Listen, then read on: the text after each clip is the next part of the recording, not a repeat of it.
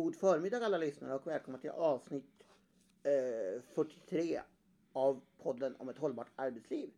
Jag hoppas ni har saknat oss, för det har vi gjort. För på grund av hög arbetsbelastning med sånt som inte är poddrelaterat så har det dröjt nästan ja, en och en halv månad. Det, vi spelade in, den, den förra podden la vi ut samma dag som vi spelade in, nämligen den 11 februari 2019. Oj! Och idag skriver vi den 29 mars. Oj! Oj. oj.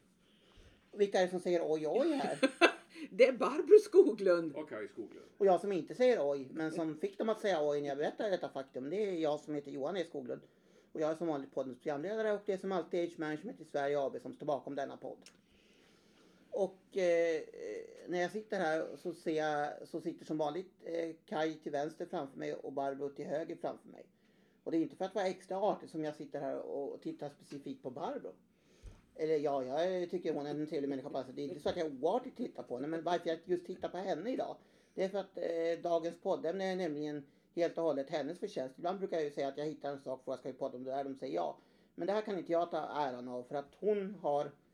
Eh, ja, du kan berätta själv vad det handlar om och hur det kom sig att du vill prata om just det här. Ja, det är ju så här att, att vi... eh, Alltså hela eh, kunskapsdelen som gör att vi jobbar väldigt mycket med arbetsmiljö och som gjorde att vi bytte namn till företag till Age Management i Sverige AB är ju alltså finsk solid arbetsmiljöforskning egentligen. Hur ska man kunna förlänga arbetslivet utan att slita ut folk tidigare in och senare ut? Kärnan i det är ju faktiskt att ju äldre medarbetargrupp du får från 45 och uppåt, desto mer olika blir arbetsförmågan. Och det här har vi tjatat om i 18, snart 19 års tid. Tjatat är väl bara förnamn. Ja, Det är- tjatat är väl bara förnamn. Och det här är så otroligt svårt att få genomslagskraft för. Därför att det finns så mycket förutfattade meningar, myter, hittepå, you name it. Och så blir man då väldigt, väldigt glad när man då får ögonen på någonting som heter eh, ett stort forskningsprojekt som Örebro universitet har och som heter Successful Aging. Och rubriken på den här, på den här och det är faktiskt, det är, det är Svenska Dagbladet. Det är dagsidan va? Mm, det är dagsidan. Ja, just Som brukar ha mycket läsvärda serier. Precis. Att åldras lyckosamt kräver mycket pengar. Det kallas västvärldens största sociala utmaning, ökningen av antalet äldre. Örebro universitet har satsat rejält på åldrandeforskning med unga doktorander från flera delar av världen. Hit, hit, hit, säger jag. Vi vill visa vilken heterogen grupp de äldre är. Och det då överhuvudtaget. Jag ska bara börja. Det är en fantastisk ingång Ursäkta att på jag serien. avbryter Ja. men eh, alla kanske, vad betyder ordet heterogen om jag får leka jävla? Olika. Den är inte homogen betyder lika, heterogen betyder olika. Jag måste fråga, för det är ett ord som man har hört ofta på senare år. Det kan bli något av ett modeord att det talas om heterogena grupper och så. Ja, men, Jag är men, inte säker på att alla vet vad det betyder. ja, men vad bra att du frågade. Ja, jag visste vad det betyder. Ja, jo, jo, jo. Men- Eh, då är det så här, en av ingången är en 66-åring som jobbat hela livet inom IT kan klumpas ihop med en 86 eller 92-åring som inte lärt sig att mejla. En 77-åring ges samma läkemedel som en 92-åring. Och en 69-åring som har barn och barnbarn kan ingå i samma gruppering som hans eller hennes 99-åriga mamma. Alltså man klumpar ihop och tror att när man har fyllt 65-70 så är man en grupp som är lika. Eh, nu försvann Kai. Nej då, jag skulle bara gå och leta efter min fa favoritbok, Arbete efter 45. 45, Men okej. den hittar jag inte. Nej. Eh, och det här är så att säga grunden. Det, det är då en, en forskare som heter Bettina Widell. Hon är kulturgeograf. Eh, som hon har studerat i vilken utsträckning entreprenörer fortsätter att arbeta efter 65 i städer respektive på landsbygden. Och det kan vi be- bekräfta. När man har under de här åren som vi har följt så är det så. Vilka är det som fortsätter att arbeta? Ja, ofta är det egenföretagare, entreprenörer, jordbrukare, man har skogsbruk. Och där är det alltså inte några märkvärdigheter med att fortsätta att arbeta.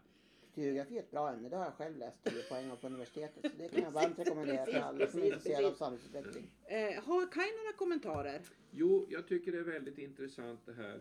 Det var ju så att det i och för sig avvecklade Arbetsmiljöinstitutet hade ju, och det var därför jag Svenska arbetsmiljö. Arbetsmiljöinstitutet, ja, hade ju, tog ju fram den här rapporten Arbete efter 45.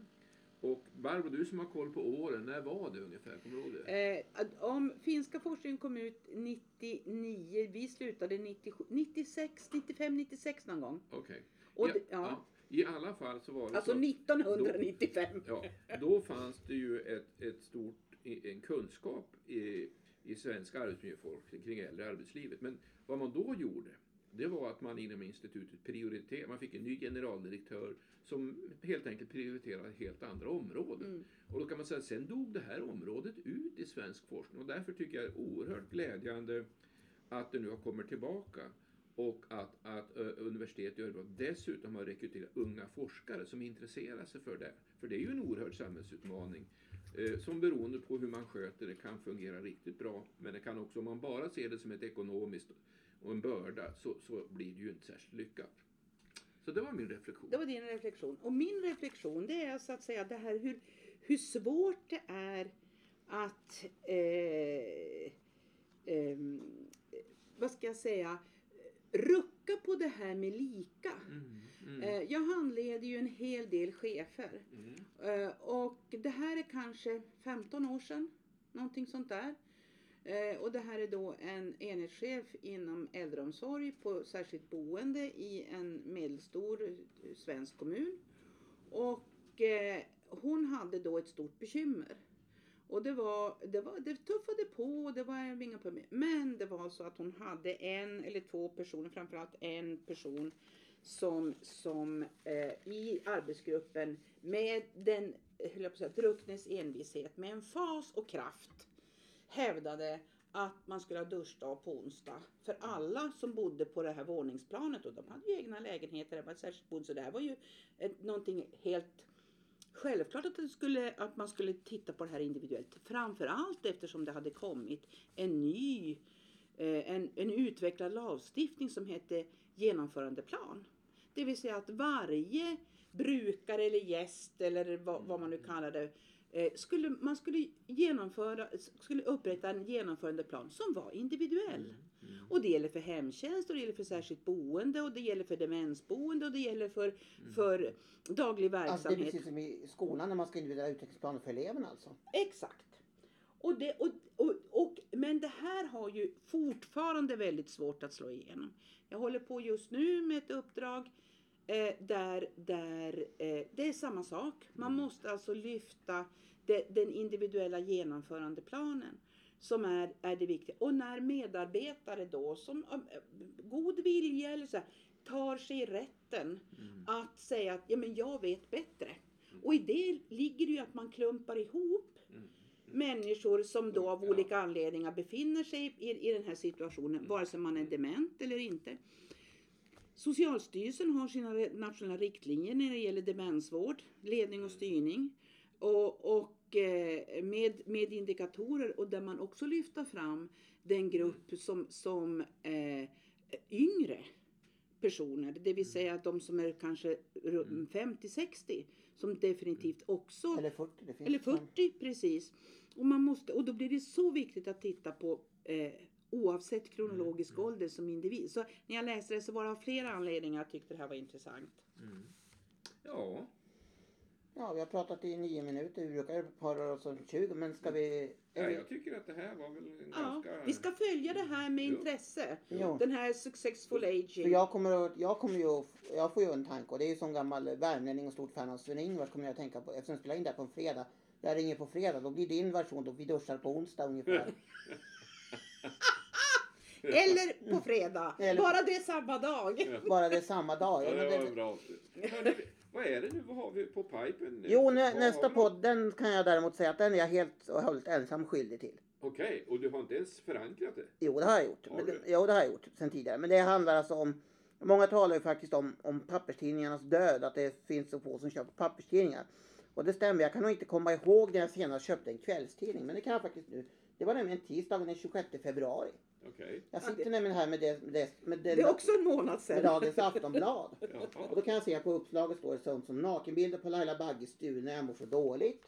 Och efter 16 år utan därför lämnar Gunilla Hassegren Fråga doktorn. Hon ska ersätta populära TV-läkaren. Och lo and behold kan rösta om Brexit på nytt. Ska det bli Brexit nästa gång? Men vi ska inte prata om detta utan det är den fjärde nyheten på första sidan. Det är nämligen så att på sidan 16 och 17 har man nämligen ett helt, upp, helt uppslag där det står följande. Cancervårdens räddare seniorer. Mycket stor brist på patologer. Skulle inte klara oss utan dem. Och när jag såg det där så sa ni köp tidningen för det där skulle vi tycka var intressant att podda om. Oh, det har vi ju hunnit glömma bort. Ja, Ja, men det där blir perfekt. alltså uppgiften för vår 44 podd om Absolut. arbetsliv. För tidningen kommer vi att spara tills dess. ja, just det. Perfekt. Bra.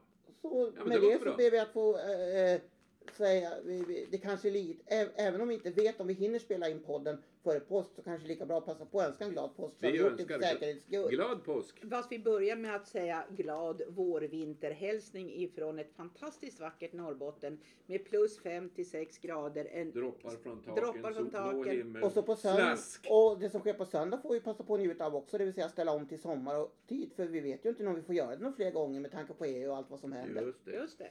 Det är inte bara Brexit som är osäkert. Det är mycket, det är mycket som är osäkert Yes. i dessa tider. Ja. Tack och hej! Tack och hej.